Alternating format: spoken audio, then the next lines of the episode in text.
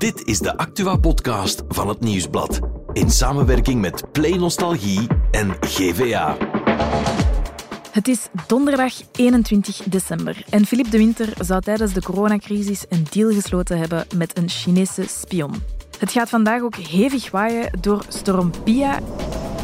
En in Brussel kunnen studenten in unieke gebouwen gaan blokken. Maar in deze Insider hebben we het eerst over wijn. En vooral, hoe kies je er eentje zonder dat het je een fortuin kost, maar ook zonder dat je gasten een Chateau Migraine eraan overhouden? Mijn naam is Laurence Stork en dit is The Insider. De eindejaarsfeesten staan weer voor de deur en het is dus weer zoeken naar de betere fles wijn die je ook geen duit kost.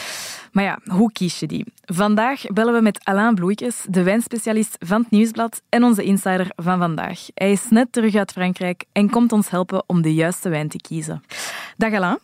Dag Laurence. Ja, Alain, het is voor mij spannend, want dit weekend organiseer ik voor de eerste keer zelf het kerstfeest. En ik moet dus ook wijn kopen.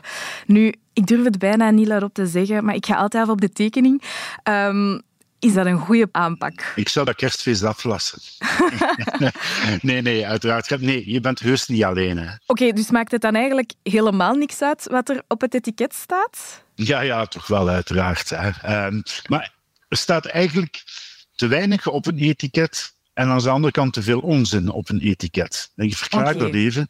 De wet zegt dat er een aantal bepalingen, wettelijke bepalingen op een etiket moeten staan.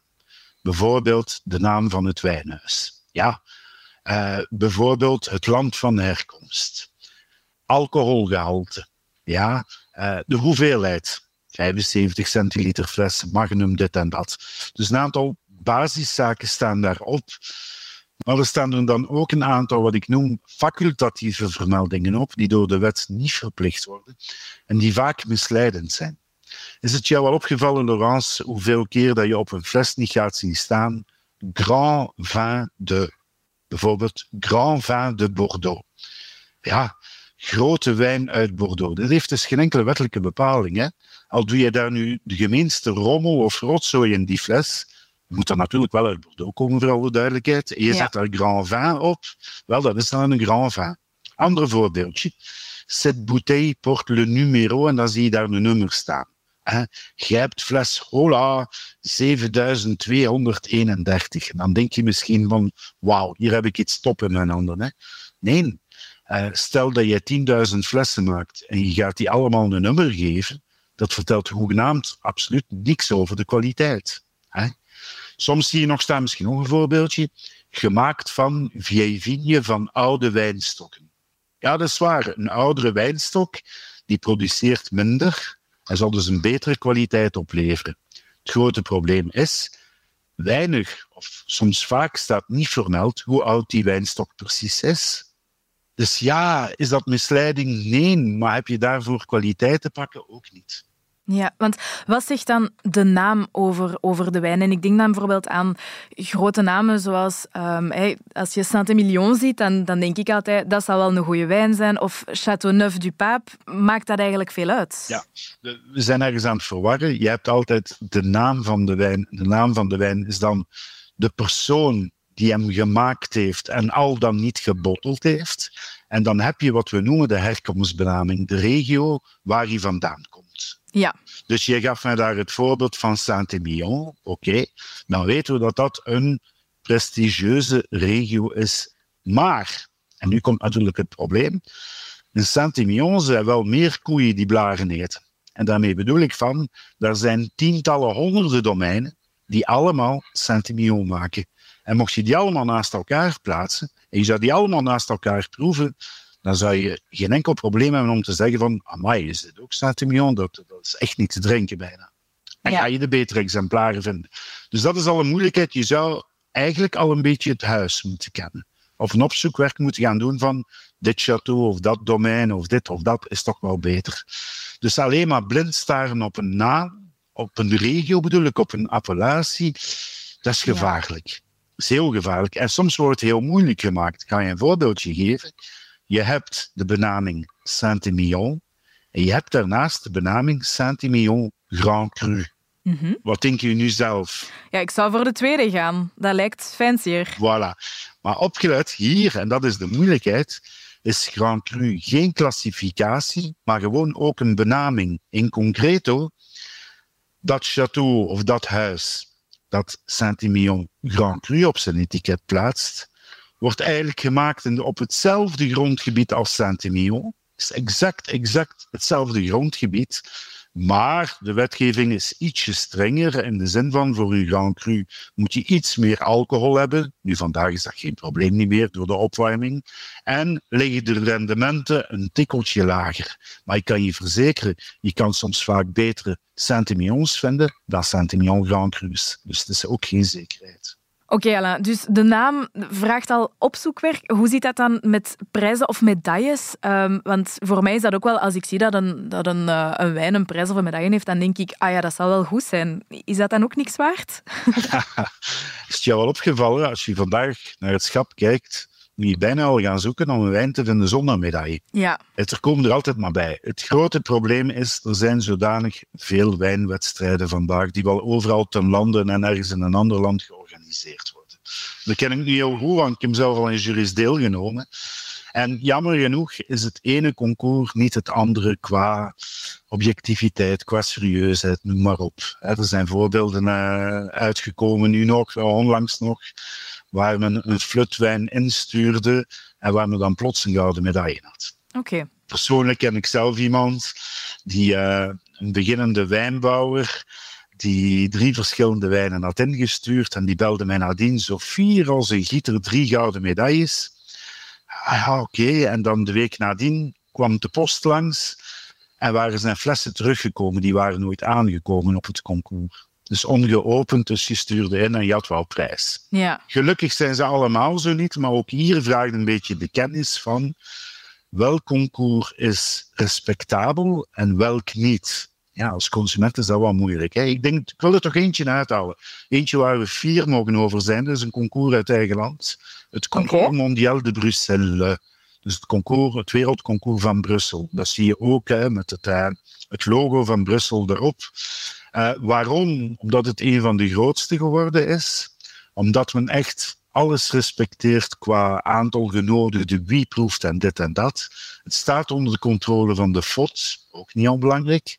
En er, werkt, of er wordt intensief samengewerkt met de Universiteit van Leuven om te kijken of die proevers wel op hetzelfde niveau zitten qua kennis en bij het proeven echt consequent en adequaat zijn. In eer en geweten kunnen wij iets gaan selecteren, maar is dat een absolute garantie? Nee. Ik zeg altijd van, word je getriggerd door een of andere medaille? Oké, haal een flesje, ja, probeer het eerst even en alsjeblieft, als het echt jouw smaak niet is, blijf eraf. Val er toch mee, wel dan heb je nog ruimschoots tijd om jouw karretje te gaan inladen. Ja.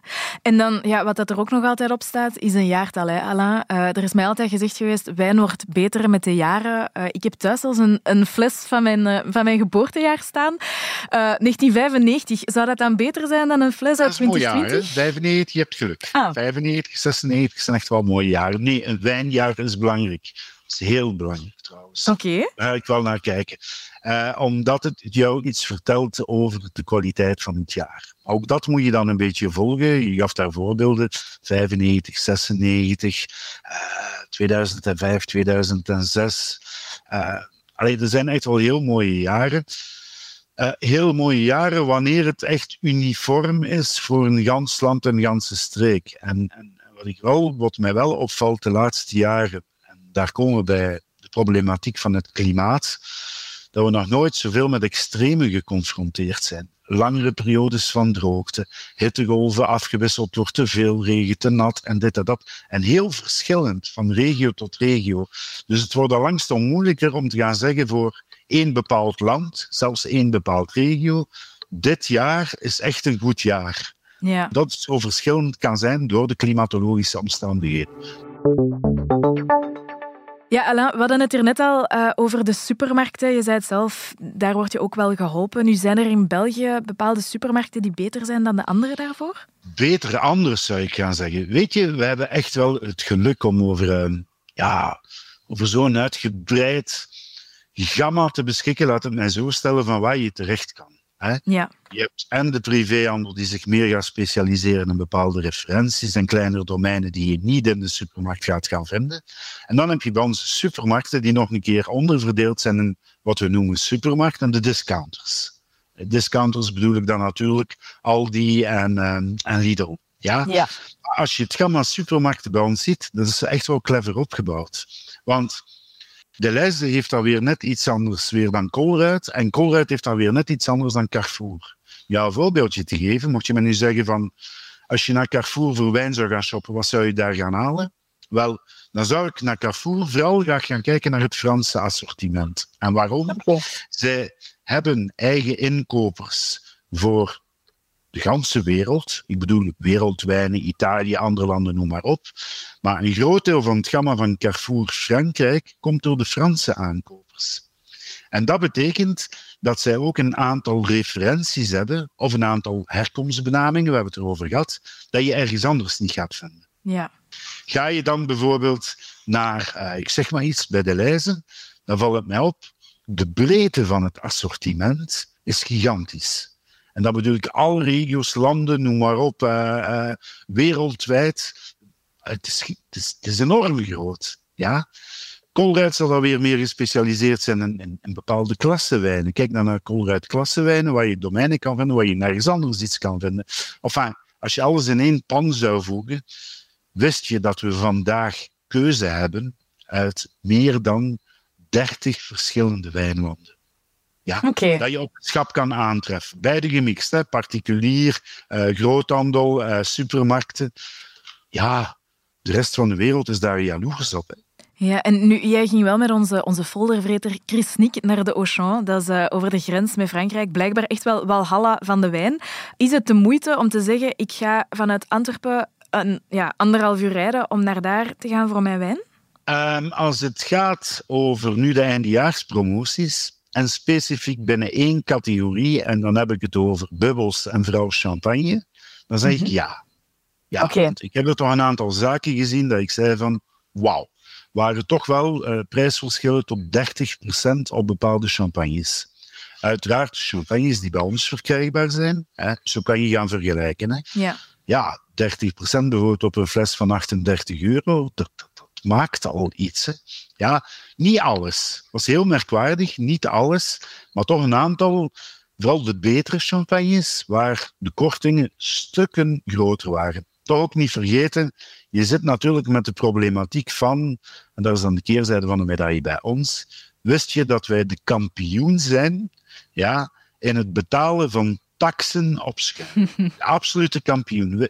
Stel dat jij nu, Laurence, een flesje cava, een promotie zou kopen van 5 euro, weet dat je dan 2,10 euro alleen al aan taxen betaalt. Oké. Okay. Dat is gigantisch, gek. Dat is bijna de helft, ja. Ja, dus oké. Okay. En daar zit je al een verschil waarom het duurder is bij ons. En ja, iedere grootheid, iedere grote supermarkt heeft wel een deal met een of ander groot champagnehuis. En daarom dat je zo sterke promoties ziet. Dus ja. einde jaar, champagnes, ja, zou ik zeggen ja. ja. En, en, dat is, kunnen onze supermarkten niet aan doen. Dat is gewoon ja, hoe de wetgeving in elkaar zit. Veel moeilijker wordt het al op wijngebied. Ja, okay. omdat vaak heel veel referenties staan ook die je niet bij ons vindt. Je had kunnen zeggen van, ah, maar dat is dan toch een pluspunt, dat is iets anders. Ja, akkoord. Maar je kan dan ook moeilijk gaan vergelijken. En dan vooral qua prijs. We hebben het er net over gehad. Hè. Het is niet omdat er Saint-Emilion op een, op, een, etiket staat dat er een lekkere Saint-Emilion is. Hè. Uh, sorry, hè. Uh, Chris had daar een fles voor mij uitgezocht. Bordeaux Supérieur. Hè. What's in a name? 2,99. Ja, moesten we mee hebben. Op het etiket, wat ik al gezegd heb, Grand Vin 2. Wel, in mijn commentaar staat, zou alsjeblieft niemand een keer die Grand Vin eraf willen nemen? Dat is zo, voor de pombak. Ja. Dus wijnen wordt moeilijker. Maar voor sommige promoties, ja, zeker en vast, maar niet voor één flesje. Hè. Ja. Nu, je had het hè, over die, die cava of die champagne. Uh, bij mij thuis is dat ook standaard een glaasje cava. Maar um, ik ben niet zo'n grote fan eigenlijk van, van bubbels. En ik durf dat wel eens te mixen met, um, en ik durf het ook weer al niet, bijna niet te zeggen, met wat vlierbloesemsiroop, munt. Ik maak dan Hugo's of een Aperol Spritz. Vind jij dat als wijnkenner heiligschennis? Nee. Oké. Okay. Ik bedoel maar van, sorry, hè, wijn is gemaakt om van te genieten. Mm Hoe dan ook. Ja, uh, tenslotte is dat je het lekker vindt. En als je een Aperol Spritz enorm lekker vindt, op voorwaarde dat die gemaakt wordt met een correcte Prosecco, want daar zit soms altijd, ja, maar ja, daar zit, zit soms altijd het probleem. Hè. Standaard zegt van, het moet met Prosecco gemaakt worden. Ja, uw Aperol Spritz. En de een of een andere slimme heeft er nog, weet ik veel, een fles bubbels liggen vanuit een tijd van, ooit gekocht, aan, aan 3 euro. En je kreeg er dan nog een vaatwasser gratis bij. Allee, zelfs met, met geen dat je erbij doet, maak je daar geen goed product van. Snap je? Ja. Je hebt het er wel moeilijker mee wanneer je bijvoorbeeld een, een, een topklasse van cava of topklasse van champagne, waar we in een veel duurdere prijscategorie zitten. Ja, als je daar dan zaken gaat gaan bijvoegen, nogmaals, als jij dat lekker vindt, waarom niet? Maar vind ik het een beetje zonde, omdat dan de, de, de, intrinsieke kwaliteiten van dat product niet meer tot zijn recht komen. Okay. Dus, maar doen, doen. Amuseer je vooral en geniet ervan. Dus ik mag de Hugo op mijn menu laten staan dan? Laat de Hugo maar staan, maar... Allee, je ziet er heel lief uit, maar mij moet je niet vragen hoor. Oké, okay. dankjewel Alain. Graag gedaan. Voor het andere nieuws is onze producer Bert er natuurlijk ook bij komen zitten. Hey Bert. Dag Laurence. Ja, want jij hebt nieuws eigenlijk over iets van toch wel al lang geleden, hè? over de coronacrisis. Ja, ja, in heel de nasleep van het spionageschandaal bij Vlaams Belang mm -hmm. rond Frank Rijlman ja. uh, is nu ook naar boven gekomen dat in 2020, dus midden in de eerste grote coronagolf, ja, um, ja dan was er zo een groot tekort aan mondmaskers. Ik weet niet hoe I remember, ik heb er ja. zelf nog zelf gemaakt ja, met een naaimachine. Voilà, ja, dat is waar dat moesten wij dan doen. uh, maar Philippe de Winter, die was toen zo in Antwerpen mondmaskers aan het uitdelen. Van, oh, kijk, via mijn uh, Chinese connecties heb ik er Ja. Bleek dat hij die via een Chinese spion uh, heeft besteld. Een zekere Xiao Changchun, een man die eigenlijk al uit ons land was geweest. Want er was al een schandaal geweest rond die man in 2017. Maar Philippe de Winter had dat via die man toch besteld. Dus um, ja, heel dat spionageschandaal bij Vlaams Belang, dat krijgt nu toch wel wat staartjes. Ja, het is iets groter dan het aanvankelijk leek. Ja, het is in elk geval toch iets waar ze niet zo snel vanaf geraken. Dat is wel duidelijk. Oké. Vlaams Belang zit dus midden in het oog van de storm. En over stormen gesproken, Mooi brugje. Ja, er is storm Pia vandaag. Ja, inderdaad. Vooral vanavond gaan we dat wel merken. Er wordt hoogtij verwacht in Antwerpen. Ehm, toch wel rukwinden tot 80 km per uur en op sommige plaatsen iets meer.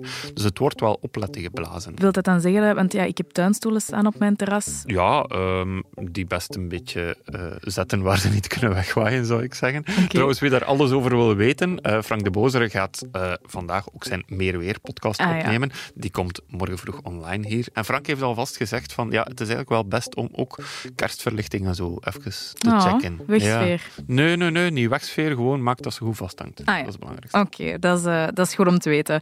En dan trekken we ook eventjes naar Brussel, eh, Bert. Eh, ik ben er gelukkig vanaf, maar sommige mensen moeten nog studeren, want de blok begint. Ja, dat is waar. Miserie Oh, eigenlijk. ik vond het eigenlijk zo leuk. Zo niet sociaal moeten doen, Echt? alleen zitten.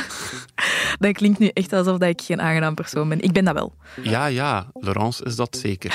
Ehm, maar in elk geval, in deze donkere dagen zijn wij op zoek naar een lichtpuntje. En Ja. je zou denken, ja, de blok begint, dat is alleen maar, dat is toch geen lichtpuntje. Inderdaad. Maar niet in Brussel, Laurence. Oké, wat gebeurt er daar? Want ze gaan daar heel unieke locaties openstellen voor studerende studenten. Bijvoorbeeld het beursgebouw, want in België toch allemaal schone locaties. Ja. Daar gaan studenten samen kunnen studeren en dat zorgt dan voor ja, wat samenhorigheid. eh, Samen in de miserie. Samen in de miserie, voilà. Dat is toch wel schoon. Ja. Het verwarmt het hart. En Ja. kunnen die daar dan ook samen in de miserie zitten op eh, kerstdag, kerstavond en zo? Of... Ja. Nee, als je dat echt wilt, dan moet je naar de Gare Maritime. Dat is de enige plek die echt op alle dagen in de kerstvakantie open is. Ja. Maar ja, die andere gebouwen zijn ook wel open op de meeste dagen. Dus ehm, ja, allen daarheen als je gewoon een beetje, een beetje wilt blokken in Oké. alle stilte. Ja. ja, het staat genoteerd. Merci, Bert. En morgen zijn we er weer met een nieuwe Insider.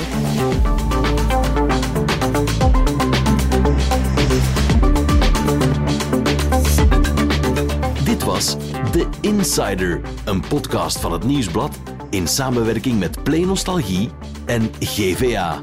De muziek is van Pieter Santens. De montage gebeurde door House of Media.